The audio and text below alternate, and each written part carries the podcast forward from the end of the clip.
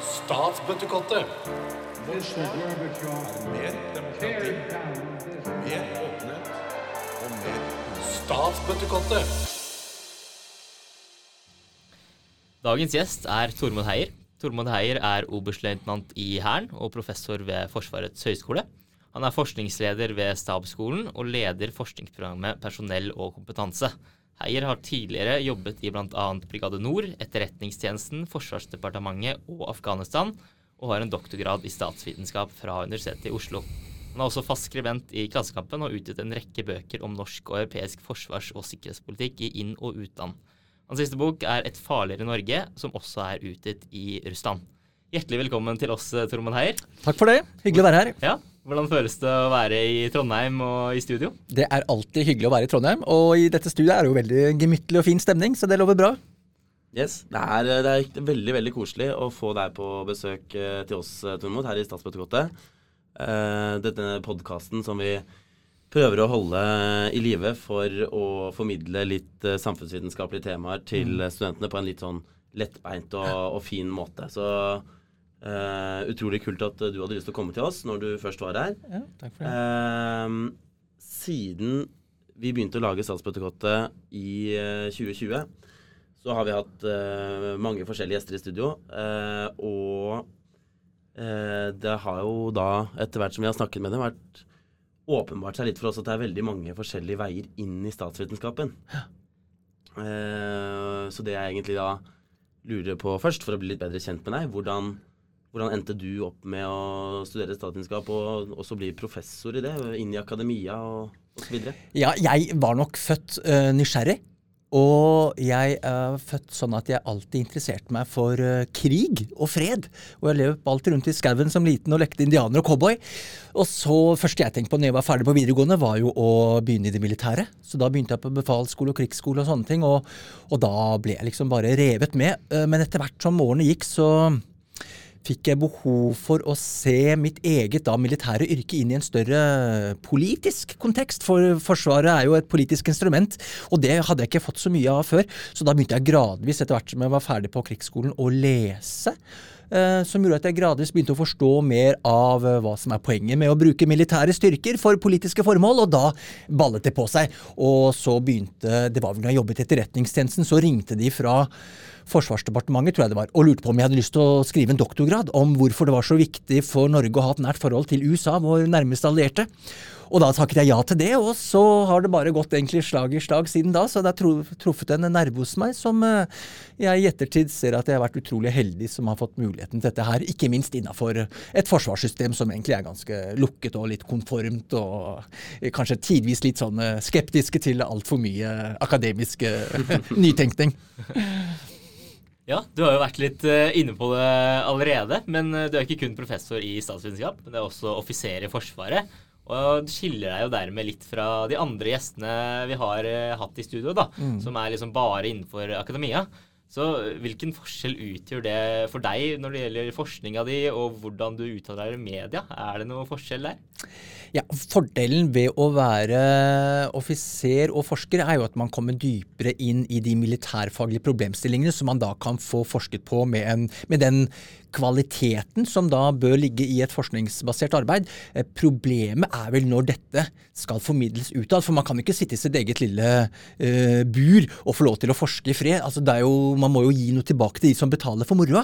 Og det er jo samfunnet der ute. så like at det, Som en del av forskningen så ligger det et veldig stort formidlingsansvar. og når man da står i uniform og skal formidle f.eks. noen konklusjoner som kanskje går litt på tvers av det som politiske myndigheter innerst inne er helt bekvemme eller kanskje ikke helt enig i, det er klart da blir det jo problemer. fordi da kan det ofte bli sett på som en slags rolleblanding. Der står det altså en offiser i full uniform og snakker det politiske makta midt imot, og det er noe selvmotsigende over det i forhold til den eh, lojalitetsplikten som ligger til en statsmann. Men på den annen side så er jo vi som er offiserer i uniform, eller eh, forskere da, i uniform, vi er jo også underlagt universitets- og høyskoleloven, og der er et annet regime, nemlig fri og uavhengig forskning. Så slik at Selv om konklusjonene mine da tidvis går på tvers av det som politikerne måtte synes er mest bekvemt, så har jeg vel, føler ikke noe annet valg enn å også formidle de for å få frem flere perspektiver på et politikkområde som på mange måter er nokså underkommunisert og lite debattert i mediene eller i befolkningen for øvrig? Helt eh, Det er utrolig spennende. Jeg kjenner, jeg, jeg, skjønner, jeg skjønner allerede at det er en del litt sånn interessekonflikt da, når man på en måte har Ja. eh, Forsvaret på den ene siden og staten og politikerne på den, på den andre. Ja. Og så skal man på en måte være et bindeledd her. Det Ja, da, høres utrolig spennende ut. ja og, og både Forsvaret og samfunnet som sånn trenger jo forskningsbasert kunnskap. Så hvordan kan man da både være en del av det litt strenge Forsvaret, og samtidig formidle da mye av denne forskningsbaserte kunnskapen? Det, det er jo et problem hvis man da tidvis står i uniform, da. Ja, det er jo nettopp det. Vi skal gå litt eh, videre. Eh, vi har et litt sånn banalt prosjekt her i statsbudsjettet. Eh, vi pleier å spørre alle gjestene våre det samme spørsmålet. Eh, nok en gang litt for å bli bedre kjent osv. Men eh, det, det går som følger. Eh, hvis du skulle hatt med deg en statsleder på en øde øy, eh, og du kan velge hvem som helst som du vil ha med deg i tid og rom, hvem ville du da tatt med? Jeg tror Det er mange å velge mellom, uh, uavhengig av tid og rom, som du sier. Så, men jeg tror jeg rett og slett ville ha valgt Nelson Mandela. Som var president i Sør-Afrika mellom 94 og 99. Og grunnen til det er fordi at han har vært så flink. Og han fikk jo også sågar Nobels fredspris. Det han har vært så flink til, som jeg på mange måter eh, ser litt opp til han for, da, som et sånn utrolig forbilde, det er hvordan han har klart, etter en uh, væpnet opprørsfrigjøringskamp opprørs-frigjøringskamp på 70- og 80-tallet eh, i Sør-Afrika, klarte å få til en eh, fredelig maktoverføring. Og ikke minst etterpå en freds- og forsoningsprosess. Eh, det må jeg si eh, er noe jeg eh, merker bare inni meg selv at det appellerer veldig. Eh, så, og det uttrykket, den rollemodellen han har vært som en sånn freds- og forsoningsfigur, det syns jeg er få andre som har klart like bra som han. Så det Han skulle jeg gjerne hatt med på en øde øy ute i Stillehavet og ligget under noen palmer og, og pratet med. Og prata litt, ja. Mm. Det skjønner jeg veldig godt. Det er jo mye interessant man kunne prate med han om, eh, kan jeg tenke meg. Ja. Eh, Her i Statsbøttekottet så ønsker vi også å bli litt klokere på hva en statsviter egentlig er, eller hva en statsviter bør være. Så hva tenker du om det, Tormod? Hva er egentlig en statsviter? Ja, hva er en statsviter? Det er iallfall en person som etter min oppfatning må være litt nysgjerrig. Og han må være glad i, eller hun må være glad i å lese og tenke og skrive. Og da er spørsmålet rundt hva da? Og da tenker jeg eh, rundt Det må jo da være noe med staten å gjøre. Og jeg tenker statens ytre og indre rammebetingelser. Og med det mener jeg hvordan staten med de ytre rammebetingelsene eh, interagerer med andre stater i det internasjonale systemet. Og med tanke på indre rammebetingelser, hvordan staten velger å organisere samfunnet sitt. For det er jo mange måter å organisere det på. Eh, Så det er på mange måter, slik jeg ser det, i hvert fall, en, en statsviter som kjenner litt til det ytre og litt til de indre rammebetingelsene. En litt sånn altmulig-potet som forstår hvordan samfunnet henger Ja. sammen, rett og slett. Det er det som gjør statsviteren så anvendelig. Nettopp. Eh, vi må jo også benytte muligheten til å reklamere litt for din nye bok, 'Tenke og skrive i samfunnsvitenskapene', som du jo har skrevet sammen med vår egen professor, Torbjørn Knutsen. Eh, kan du ikke si litt om eh, hva den går ut på, og har du noen eh, tips til unge statsvitere, enten fra boka eller, eh, eller noe annet? Ja, den boken skrev Torbjørn og jeg fordi at vi har eh, sett, etter mange år med å være sensor og veileder og foreleser, at disse statsvitenskapsstudentene gjør mange sånne av de samme Står overfor mange av de samme problemene hvert eneste semester. Og det er å få, først og fremst få til en helt tindrende klar, presis problemstilling, og så finne en teoretisk forklaringsmodell som vi, som vi kan bruke for å analysere denne problemstillingen. Og så eh, bruke da den teoretiske modellen til å utlede empiriske forventninger, som vi da operasjonaliserer til et sett med indikatorer, som vi da tar med over i den empiriske eh, beskrivelsen og videre inn i den empiriske analysen, slik at vi kan utlede slutninger i konklusjonskapitlet, som gjør at sensor, Torbjørn og meg og andre gærninger, kan sitte der og nikke litt sånn anerkjennende til at ja, fy fader, vet dette her sånn, det kan jeg, dette kan vi feste lit til. Eh, Så den røde tråden der, sånn- der sånn, i denne kvalitative statsvitenskapelige metodelogikken, den er vel noe vi brenner for, og som vi ser at mange har problemer med. Og det var derfor vi lagde denne litt enkle, tilgjengelige, lettleste boka for å komme med disse gode rådene og tipsene. Håper vi, da. Ja, altså jeg har faktisk, jeg har faktisk kjøpt den eh, boken for eh, en, rundt to uker siden. og eh, ja, nå trenger vi egentlig ikke å komme med så altfor mye reklame i denne, i denne litt sånn uh, lettbeinte podkasten. Men uh, hvis det er noen som skulle ønske å på en måte ha en litt sånn lett og tilgjengelig guide til hvordan bygge opp en semesteroppgave, så kan det absolutt være verdt å sjekke ut. Jeg går som sagt fortsatt master og har skrevet en del oppgaver, men plutselig så står man litt fast på oppgaver som masterstudent også. Det er ingenting i veien for at verken bachelorstudenter eller masterstudenter av og til trenger litt eh, hjelp og veiledning. Da. Det kan være et godt tips. Ja, Absolutt. Alltid mer å lære på det feltet. Uh, yes. Nå kommer vi jo til det som er ordentlig morsomt i eh, dagens uh, podkast. Vi skal innom uh, dagens uh, hovedtema, nemlig Norges relasjon til Russland og USA. Og kanskje vi klarer å snike inn bitte lite grann om Kina til slutt også. Eh, det er jo ikke hver dag vi har eh, forsvarspersonell med oss i Statsbøttekottet, så vi tenkte vi skulle benytte muligheten, da til å snakke litt eh, forsvars- og sikkerhetspolitikk. Eh, eller mer spesifikt om hvordan Norges forsvarspolitikk og vår relasjon til eh, våre to nærmeste stormakter, nemlig Russland og USA eh, Så før vi kommer inn på liksom de virkelig store spørsmålene uh, med, med stormaktspolitikk, eh, innenriks utenriks uh, osv.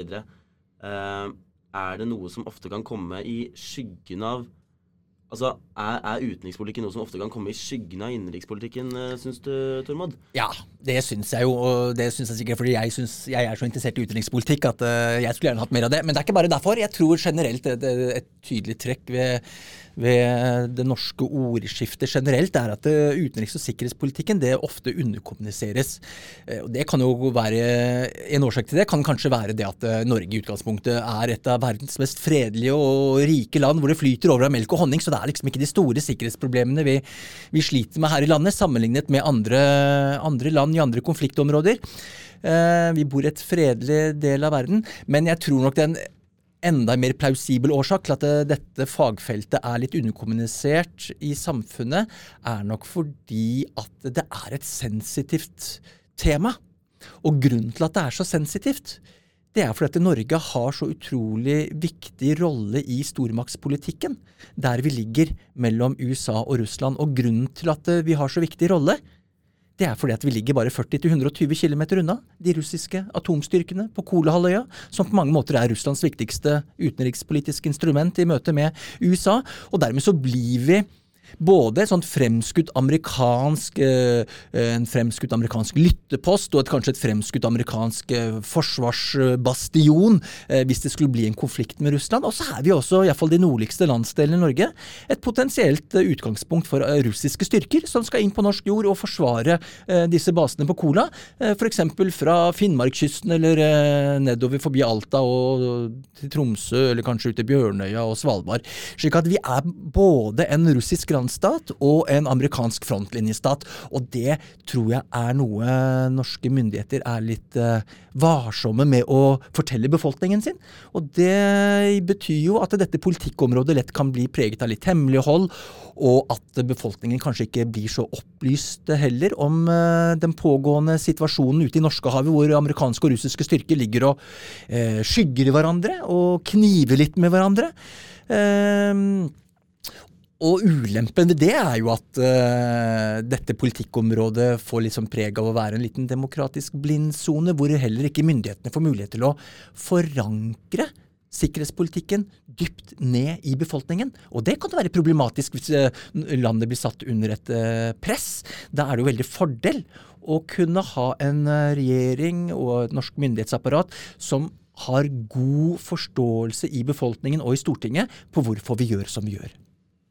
Ja, nettopp. Eh, fordi Hva vil det her si for, for folk? da? Fordi folk føler liksom at utenrikspolitikk er noe som ligger veldig langt unna, noe de ikke har kontroll på. Det skjer og det er mye hemmelighold som du snakker om.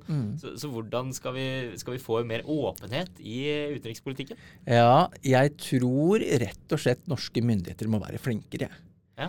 til å forklare mer utførlig. Eh, F.eks. i stortingsmeldingene og i innstillingene og i taler og foredrag som de har i forhold til Stortinget og til befolkningen. Forklare mer utførlig at eh, den posisjonen Norge har der ute i Nord-Atlanteren, mellom USA og Russland, den gir oss mange fordeler, men du verden, den gir oss en del utfordringer også. Og det er liksom å at myndighetene kan vise befolkningen at eh, en sak har alltid to sider. Hvis man ikke gjør det, så kan man lett bli tatt til inntekt for å være litt ensidig og unyansert og, og liksom skjule en del ting. For den norske befolkningen er jo en av verdens eh, høyest utdannede grupper i, eh, av mennesker, eh, heldigvis. Slik at det er ganske høye forventninger og krav i befolkningen til hva myndighetene kommuniserer utad. Eh, kanskje har det vært litt vanskelig for myndighetene å gjøre dette også, fordi at man ønsker ikke å så tvil om de lange linjene i norsk forsvars- og sikkerhetspolitikk, for de vet at både i Moskva og i Washington så følger man jo nøye med. Det, Hvilke signaler er det norske myndigheter sender ut? Går man nå litt den ene veien, eller går man litt den andre veien? Eh, Og det følger Washington og Moskva med, fordi som sagt Norges plassering der oppe ved siden av de russiske atomstyrkene er så viktig at eh, de signalene myndighetene sender ut fra Oslo, de blir med en gang fanget opp i Washington og Moskva. Og da kan det være at myndighetene ønsker å ja, tone ned litt. grann. Ulempen igjen også med det, det er jo at Stortinget heller ikke får bygd opp noe særlig kompetanse. Noe kunnskap om dette her sånn. Og det betyr at det mer av makten overføres egentlig til det utøvende organet, nemlig regjeringen. Og det er jo heller ikke bra når vi tenker på maktfordelingsprinsippet og en demokratisk forankring og åpenhet rundt dette politikkområdet. Ikke sant? Det er jo veldig, veldig komplekst eh, demokratisk dilemma, det her. Vi skal komme mer inn på demokratiets eh, rolle senere. Men først må vi ha noen definisjoner på plass. Eh, fordi du har jo snakka mye om skjæringsfeltet mellom politikk og militærmakt. Eh, og dette er jo noe som, er, eh, som vi statsvitere, statsvitenskapsstudenter er opptatt av. Eh, så når er det politikk blir militært anliggende? Og når blir militære avgjørelser politikk? Ja, å finne en klar definisjon på det, det er egentlig litt vanskelig, det er min erfaring etter 30 år i Forsvaret. Og grunnen til at det er vanskelig, det er fordi at det varierer sånn med situasjonen, og det varierer sånn med hvilken statsråd som sitter i eh, forsvarsministerstolen.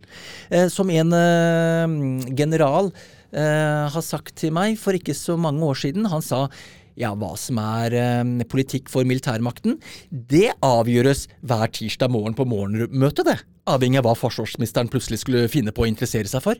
Eksempel, eh, det kan være at norske styrker kommer i en stridskontakt med fiender i eh, Afghanistan eller Irak.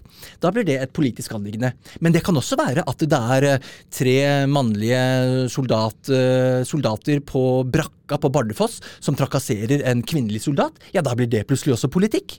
Det er, og, og det kan være norske fly som avskjærer et russisk fly inne på norsk luftrom. Da er det definitivt politikk. Men hvis det er en luft, en avskjæring fra Norge mot russiske fly i internasjonalt luftrom, da er det mer en rutinesak som ikke politikerne behøver å bry seg om i det hele tatt. Så det varierer. Så, så slutningen er vel uansett at det, hver gang eh, det som militærmakten gjør, kan tenkes å få noen politiske mm, konsekvenser, så eh, vil det være en interaksjon mellom politikk og militærmakt. Og det sier noe om at eh, militærmakten, det, all bruk av militærmakt, enten det er i fred eller i krise eller krig, det er og blir en form for politisk kommunikasjon. Og ofte er den kontroversiell. For det fins jo ingen andre politiske eh, instrumenter i den norske verktøykassa, eller i andre staters verktøykasse, som er bedre egna til å fremskaffe litt engstelse, litt usikkerhet og litt frykt, kanskje. Slik at uh, i Forsvaret så er vi veldig opptatt av å kommunisere med disse virkemidlene våre på en veldig varsom måte. For all bruk av makt, enten det er i fred eller krise eller krig, har alltid utilsiktede konsekvenser. Når vi er inne på eh, på en måte my, altså harde og myke maktmidler, eh, Ja. militære og ikke-militære som, som sådan, Mm. eh, hvordan er egentlig forholdet vårt til Russland om dagen? Altså Er det, er det et kjøligere forhold nå eh, Norge har, eh, enn det vi har hatt de siste årene? Eller er det litt mer sånn Nei, nå, nå får vi ny regjering, nå kommer, å gå, nå kommer vi til å bli bedre venner med Putin. Liksom. Hvor, hvor, hvor, er det vi, hvor er det vi står hen? Nei, eh, et, eh, jeg tror nok at eh, etter den russiske Krim-anneksjonen i 2014, så har jo det bilaterale forholdet med Russland blitt gradvis nokså mye dårligere. Iallfall innenfor forsvars- og sikkerhetsfeltet. Eh, nå er det jo sånn at sjefen for Forsvarets operative hovedkvarter i Bodø han har jo jevnlige fredagssamtaler med sin kollega i Nordflåten på Kolahalvøya. Eh, og vi gjør jo en gang iblant en og annen eh, sånn search and rescue-øvelse, hvor vi trener på å redde russiske og norske sjøfolk som eh, havarerer ute i Barentshavet. Eh, og vi skyter litt seismikk sammen, og vi forvalter en arktisk torskestam i Barentshavet som er verdens største. Men sånn i det store og det hele, så er det likevel et nokså kjølig klima. Og det har blitt eh, dårligere og dårligere. Og jeg tror det vil fortsette å bli dårligere før det eventuelt snur og gradvis blir, eh, blir bedre. Og det skyldes litt det Norge har gjort med å ta inn over seg mange flere allierte styrker til landet, noe russerne selvfølgelig ikke liker. Men så har det også litt med den generelle stormaktsrivaliseringen mellom USA og Russland å gjøre i nordområdene, som foregår ute i havområdet hvor Norge egentlig ikke har så mye de skulle sagt. Så, um, men i det store og hele eh, kjøligere forhold. Og det ser vi også i de norske eh, politikken, at vi legger mer vekt på avskrekking, altså true med pisken, enn beroligelse og lokke med, med gulroten. Mm. Du har jo vært litt eh, inne på det her uten å, å, å, å si hva, er, eh, hva vi ofte kaller det. da. Og det er jo nemlig beroligelse og avskrekking eh, som to virkemidler vi kan bruke i møte med, med Russland da spesielt. Eh, og politikerne snakker jo veldig enkelt om det, det balanseforholdet her, at det, det er fullt mulig å oppnå. Men hvordan er det det her funker i praksis? Er det slik at at vi kan ha en sånn balanse, eller vil det ene gå på bekostning av det andre? Ja, det er ikke lett å balansere disse to til dels motstridende strategiene. På den ene siden så skal du avskrekke russerne ved å vise at du er medlem i Nato og får amerikanske styrker inn på norsk jord. Og på den andre siden skal du også prøve å være en god eh, nabo og berolige russerne ved å holde amerikanerne på en arm- armlengdes avstand. Og dette har vi klart under den kalde krigen. Og vi klarte det fordi at vi hadde selv et nasjonalt militært apparat som selv klarte å håndtere små hendelser og episoder og kriser i de norsk-russiske grenseområdene. Men det har vi ikke lenger i dag. Og da blir vi tvunget til å kalle på amerikanerne mye tidligere og mye oftere enn det vi måtte gjøre før. Og russerne de frykter jo ikke lille Norge med 5,3 millioner innbyggere som holder seg med et forsvar som kanskje holder i 72-96 timer. Det russerne frykter er at Norge blir et springbrett for amerikanske operasjoner. Inn mot Kolahalvøya, eller over Sverige og inn mot Baltikum og Østersjøen. Så eh, denne balansen den eh, har tiltet, etter min oppfatning. Den har tiltet i retning av mer avhengighet til USA eh, på et tidligere tidspunkt i en eventuell krisesituasjon. Og det betyr at den avhengigheten gjør at vi må knytte oss tettere opp til USA. Og da er det ikke like lenger lett også være samtidig en god eh, nabo i, eh, i øst, som viser russerne at vi holder amerikanerne på en armlengdes avstand. Ja, ikke sant? Men øh, da lurer jeg litt på hvor stor makt vi i Norge egentlig har. Har vi noe å si her i forhold til USA, eller må vi bare være øh, avhengig av USA og Nato med bakgrunn i sikkerhetsgarantien vår? Ja, Norge har jo alltid vært for store og befolkningen for få til at vi noensinne skulle ha noen forutsetning for å kunne forsvare oss alene mot eh, verdens største land i øst. Eh, Så vi har alltid vært avhengig av USA, men det vi har hatt tidligere er jo at vi har hatt en nasjonal forsvarsevne som gjorde at vi selv kunne håndtere disse norsk-russiske grenseområdene. Men når vi ikke lenger har det, da eh, da blir det jo ikke helt enkelt lenger å ha en beroligende linje overfor uh, russerne. Og når russerne i tillegg selv uh, blir mer selvhevdende, mer synlig i og flere øvelser inne i de norske områdene, uh, noen man ikke hadde under den kalde krigen, så blir jo naturlig nok norske myndigheter mer nervøse og begynner da å invitere inn flere, flere amerikanere. Noe som igjen gjør at russerne blir enda mer nervøse, og som gjør at vi blir mer nervøse, og så ender vi opp i dette sikkerhetsdilemmaet. Så dilemmaet for Norge er hvordan kan et lite land som ligger mellom USA og Russland, hvordan kan et lite land få så mange amerikanske sikkerhetsgarantier som mulig, men uten å fremprovosere russiske motreaksjoner? Det er liksom statsmannskunsten, og det er det som gjør at dette fagområdet blir veldig interessant, for det fins ingen fasitsvar. Nei. det er jo helt klart det er vanskelig. Altså, um, når, når du sier at um, Når du sier at uh, Norge har fått en, uh, en svekket motstandsdyktighet da, mot eh, eventuelt eh, eh, russisk eh, ja, okkupasjon, eller hva man skal, hva man skal kalle det. Eh, er, vil du si at det er en, eh, et resultat av eh, dårlig forsvarspolitikk, eller er det mer den teknologiske utviklingen, at, at, at eh, verden og Forsvaret også for øvrig blir stadig mer knyttet sammen, mer, eh, mer komplisert. Man ser at det kommer krigføring på flere arenaer, f.eks. Eh, cyber, som gjør at de, store nasjonene blir enda mer spisset og mektigere, og at de små nasjonene kanskje sakker eh, akterut. Ja, eh, Om dette er en god eller dårlig forsvarspolitikk? altså Jeg tror det er iallfall eh, en villet politikk. Og det er en villet politikk fra norske myndigheter som har ønsket å heller satse på kvalitet med noen få, men veldig dyre forsvarskomponenter. F.eks. F-35 og nye undervannsbåter og maritime patruljefly. Eh, og da får du ikke så mange av dem. Men du får noen veldig få, men de blir veldig avanserte og veldig sofistikerte, og sånn sett godt egnet til å operere i en eh, moderne kampsone, da.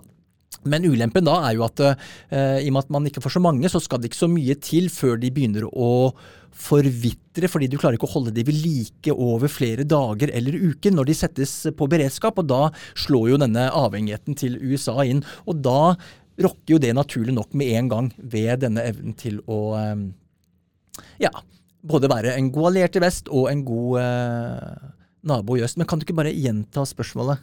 Eh, jo, eh, det, det er bare eh, Det jeg egentlig lurte på, er om eh, den eh, svekkede eh, forsvarskraften til Norge Ja. Er et resultat av Riktig. politikken som du da Riktig. nevnte at det egentlig kanskje var en litt sånn villet eh, forsvarspolitikk. Eh, eh, men at det også kanskje henger litt sammen med den teknologiske Mm, endringen, da. Eh, Riktig. Godt poeng. Eh, denne endringen den skyldes flere forhold. Det første og viktigste forholdet det er at de norske myndigheter er ikke villige til å betale lenger det det koster å holde seg med et stort, selvstendig nasjonalt forsvar. Fordi at prisen på forsvarsmateriell, særlig den teknologiske fordyrelsen, men også økningen i driftskostnader på norsk personell, den er så stor at eh, småstater er kanskje blant de første statene som liksom får føle hvor vanskelig det er å kunne fullfinansiere et eh, forsvar. Og så har norske myndigheter valgt en, eh, en linje i forsvarspolitikken hvor man velger dyre, avanserte kapasiteter, som de får da få av, istedenfor noe billigere, men flere kapasiteter som man ellers kunne fått. Og så er det vel også sånn at Norge også har vært veldig aktiv i internasjonale operasjoner i over 20 år, og med en liten forsvarsstruktur så er ikke den dimensjonert eller laget for å stå i tiår etter tiår i utlandet, slik at slitasjen, eh, den eh, inntreffer veldig fort. Og summen av dette her, sånn tenker jeg, det gjør at, eh, at eh, norske myndigheter har veldig vanskelig med å opprettholde en troverdig nasjonal forsvarsevne selv eh, i små situasjoner som avviker fra en fredelig normaltilstand i nordområdene. Syns du det har vært noen merkbar endring i eh, Norges relasjon til eh, USA etter at vi har fått en ny president der borte? Etter at eh, Trump gikk av og Biden tok uh, over? Biden, for, eller Trump, Trump var jo veldig opptatt av at disse eh, europeiske statene skulle betale mer av eh, av totalforsvaret sitt. da. Vi har jo, som du har nevnt, vi belager oss veldig mye på USA. Ikke bare Norge, men egentlig hele Europa. Ja, hele Europa Eh, og eh, har det vært noen stor endring i relasjonen nå som Biden har tatt over? Nei.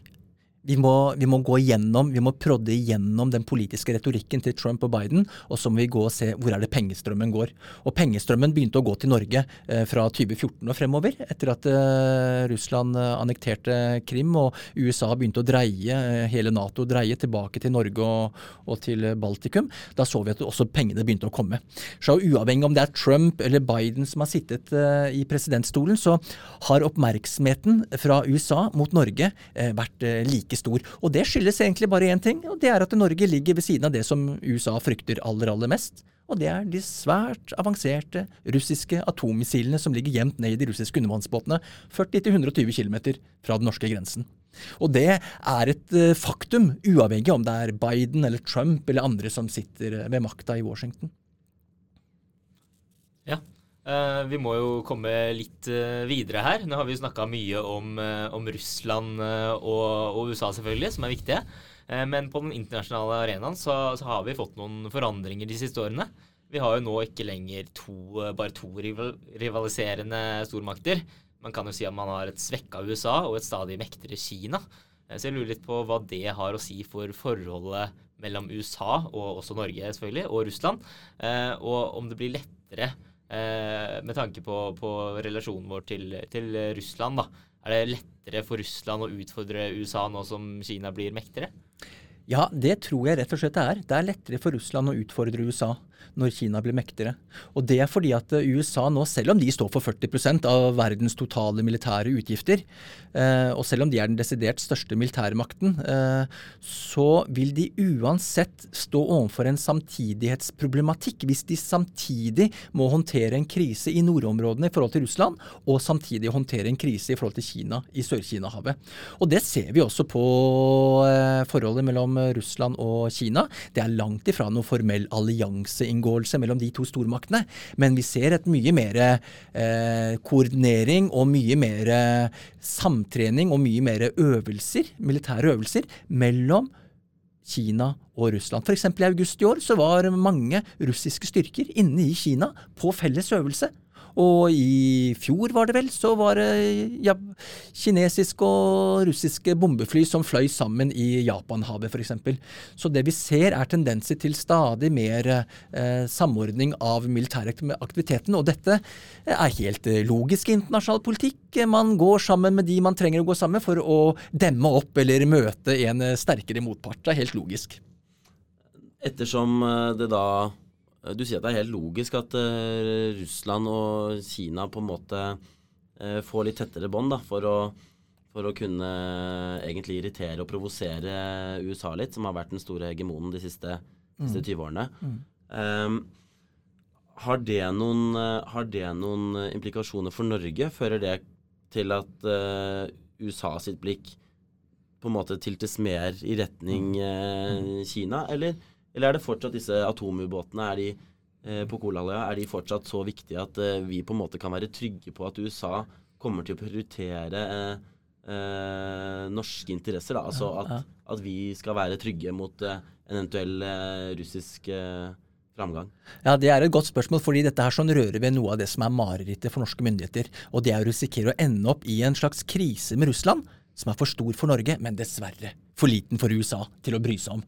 Så å prøve å lukke det, den gråsonen, det gapet, det har alltid vært viktig for norske myndigheter. Og da spør man seg alltid vil eh, amerikanerne komme, eller vil de prioritere eh, Sør-Kina-havet og, og Kina. Og eh, Norske myndigheter har alltid jobbet med nebb og klør for å eh, invitere amerikanerne inn, særlig i de fasene av historien hvor man har sett at amerikanerne har eh, vendt nesen andre veien. Men nå er det nå engang sånn da at eh, vi ser mer enn nok med amerikansk oppmerksomhet i våre egne nærområder. Men vi er jo også bekymret for at mer av den amerikanske militære oppmerksomheten vil dreies mot Sør-Kina-havet. Og det vi da er bekymra for, det er at eh, amerikanerne gradvis vil miste kompetansen som trengs for å kunne operere i værhardt arktisk klima med sur vind og kuldegrader og snø og is og regn som gjør at utstyret deres ikke fungerer. Og at de mister hva skal vi si, feelingen med å være i nordområdene, og kanskje mister feelingen med hvordan man skal håndtere en russisk eh, trussel.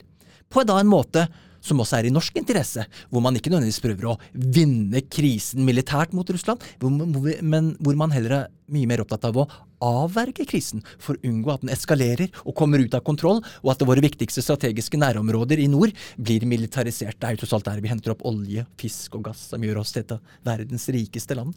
Så eh, avhengige småstater som Norge og andre randstater eh, langs eh, Russland i Europa, vi vil alltid være nervøse når eh, USA begynner å tilte over litt for mye mot eh, Asia. Og det er vel den retningen vi egentlig ser nå. Men så holder de igjen litt i, i nordområdene, og ikke minst klargjør infrastruktur. slik at de med et sånn nytt globalt eh, deployeringssystem med militære styrker kan komme raskt til unnsetning dersom vi skulle trenge det. Og det er det som er på mange måter mye av kjernen i den nye såkalte tilleggsavtalen som vi inngår nå med USA, hvor amerikanerne får fire sånne støttepunkter i Norge for å klargjøre seg på å komme kjapt inn dersom de skulle brenne på dass. Eh, Vi har jo nå snakka en del om Norge, USA, Russland og til og med litt om eh, Kina. Men vi har jo ikke sett så mye på, på de grunn, grunnleggende forskjellene her. Vi starta jo med å snakke litt om, eh, om demokratiet. Og jeg tenker at det, det er en viktig ting å snakke om når det er snakk om utenrikspolitikk. Eh, fordi det er jo sånn at Norge og USA må forholde seg til eh, demokratiske spilleregler. At hver beslutning man tar eh, som, som politiker, må være noe som folket vil støtte. Man må hele tida blidgjøre befolkningen sin. Og dette er jo ikke noe, noe autokratier må forholde seg til på samme måte. Vi har jo nå snakka om hvordan Kina og Russland nå samarbeider eh, på en måte. Så hvordan er det disse autokratiene forholder seg til det? Blir det lettere for de å, å kjøre en mer strategisk utenrikspolitikk enn for oss, da? Ja, det er det. Og dette er noe av svakheten ved Nato, mener de aller fleste. Nemlig at Nato er en konsensusorganisasjon med 30 demokratier som må forankre Natos vedtak og Natos politikk i sine egne parlamenter, og det tar ofte veldig lang tid. Og det blir mye kiving og, og, og sendrektighet. Mens et autokratisk regime, sånn som det russiske, der behøver man ikke å tenke på den slags. Eh, Så det er mye enklere for den russiske generalstaben og den politiske ledelsen i Kreml å fatte raske beslutninger og respondere raskt på for å utnytte en strategisk mulighet som åpner seg i deres eget nærområde eller i deres egen innflytelsessfære. Og der ser vi noe eh, som, eh, som russerne egentlig er kjent for, og det er ikke akkurat eh, accountability and transparency, snarere tvert om. Det er eh, De har ikke noen prinsipper for eh, maktspredning, eh, men det er jo snarere prinsipper for maktkonsentrasjon. Og det er på mange måter eh, en legitim eh, innretning på det russiske samfunnet, hvis man ser dette med russiske øyne, fordi de ser på verden som et eh, nullsumspill.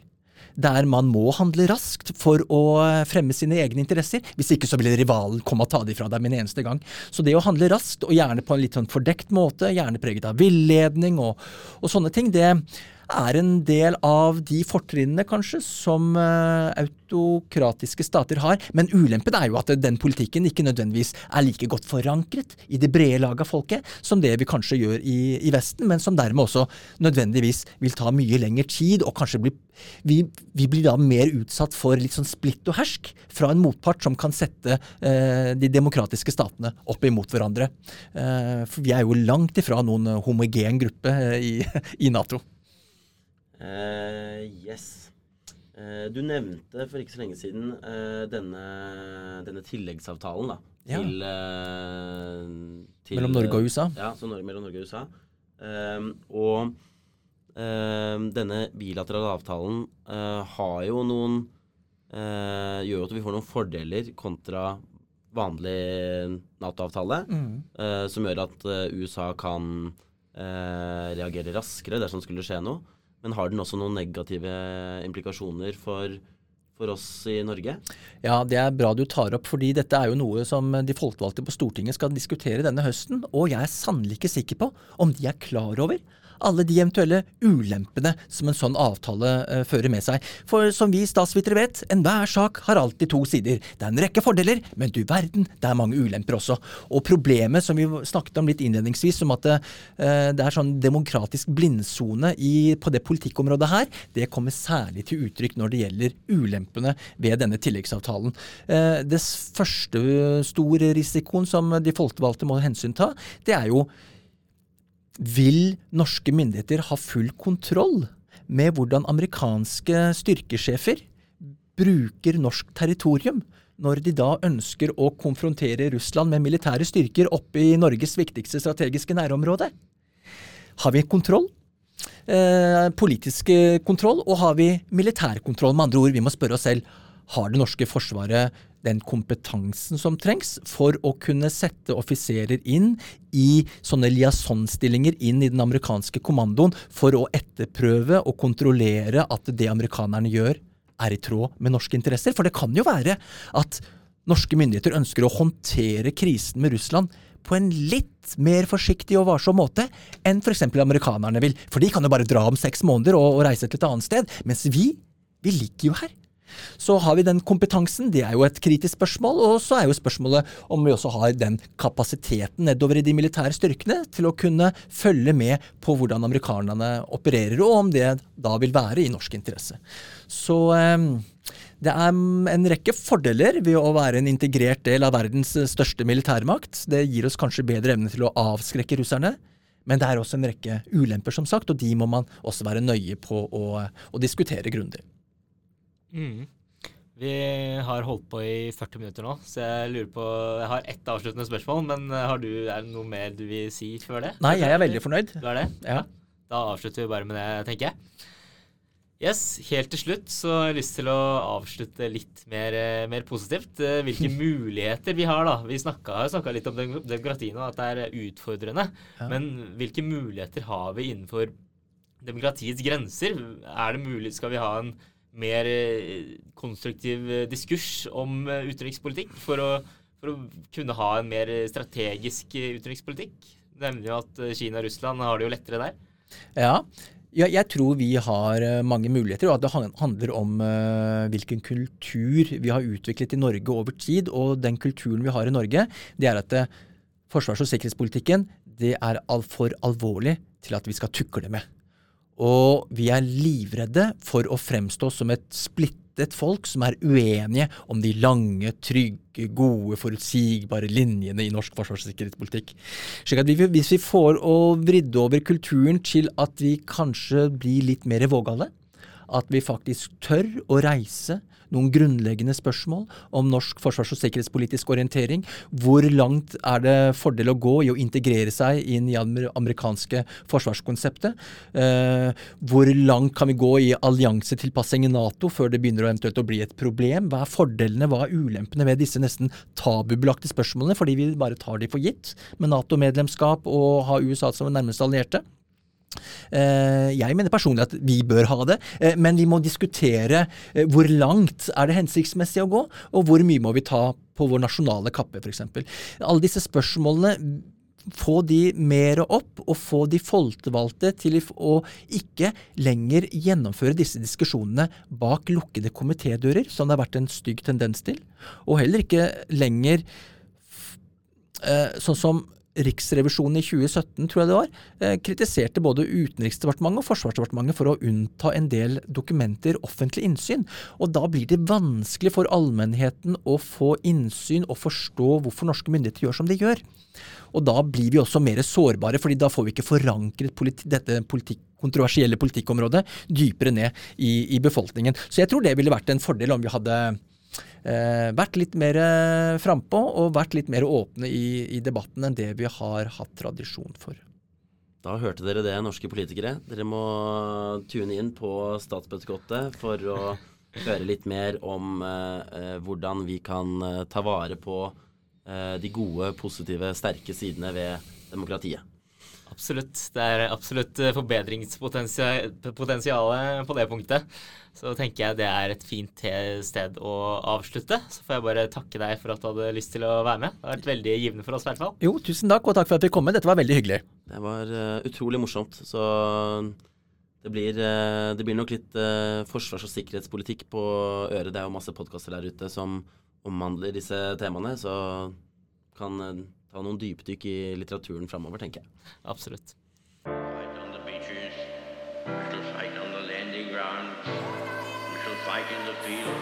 Statsbøttekottet. Mer demokrati, mer åpenhet og mer Statsbøttekottet. Yes, Jonna, det der var, eh, det der var litt av en prat. Ja, det var eh, virkelig spennende. Jeg syns vi var eh, innom eh, veldig mye, og han svarte veldig godt på, og konkret på spørsmålene våre. Så det var gøy. Absolutt. Eh, hvis du skulle eh, prøvd å mm, Hvis du skulle tatt med deg én ting da, som du syns var spesielt interessant etter at vi har sittet og pratet med Tormod nå i rundt en 45 minutter, hva, hva syns du var, var kulest? Det er jo det her med, med at, eh, at utenrikspolitikken ofte kommer i skyggen. da. Det er jo prega av mye hemmelighold, som på en måte er eh, forståelig på en måte, men samtidig så er det jo eh, mye, mye å jobbe med her. da. Så om vi kan få til at politikerne snakker litt mer åpent om det, og at befolkningen begynner å interessere seg litt mer for det, så syns jeg det kunne vært artig. Men jeg tviler på at det kommer til å skje i nærmeste framtid. Det er i hvert fall, det er i hvert fall noe vi kan uh, jobbe vesentlig mer med, da, og som er viktig i en, i en demokratisk uh, stat. Ja. Eh, Men jeg tenker vi må jo bare komme med noen anbefalinger. Du hadde vel noe litt relatert til det her? du? Ja, nei, fordi, fordi eh, jeg var så heldig at ehm, jeg hadde besøk av um, Tormod Heier på forelesningen min i dag i Stormakt, vekst og fall, som Knutsen vanligvis eh, foreleser. Men i dag var da Tormod Heier på besøk, og han, ehm, han snakket eh, mye om den samme tematikken som vi har vært innom i dag. eh, og eh, baserte nok eh, ganske mye av eh, ganske mye av eh, ideene, da, eller forståelsen om internasjonal politikk og forsvarspolitikk, på noen refleksjoner som eh, John Mersheimer har, har kommet med. Så dersom det er eh, noen der ute som har eh, likt eh, disse temaene vi har vært innom, og har lyst til å reflektere litt mer rundt dette, så er det jo absolutt mulig å lese litt Mørsheimer for å komme nærmere inn på, på temaet. Var det noe mer du siktet til? Nei, det var var det absolutt ikke. Nei. Det er veldig bra. Ja. Da må vi jo egentlig bare nevne at det kommer noen flere episoder som eh, de i eh, De som har oss på øret akkurat nå, eh, må få med seg. Absolutt. Det Mm. kommer masse flere episoder utover skoleåret. Så det er bare å følge med for kommende episoder. Og tusen takk igjen for at du har brukt tiden din på å høre på oss i Statsbøttekottet. Det har vært utrolig hyggelig å være med dere her i dag. Jeg da, Johan Grøgaard, og Jeg, Jonas Grøder.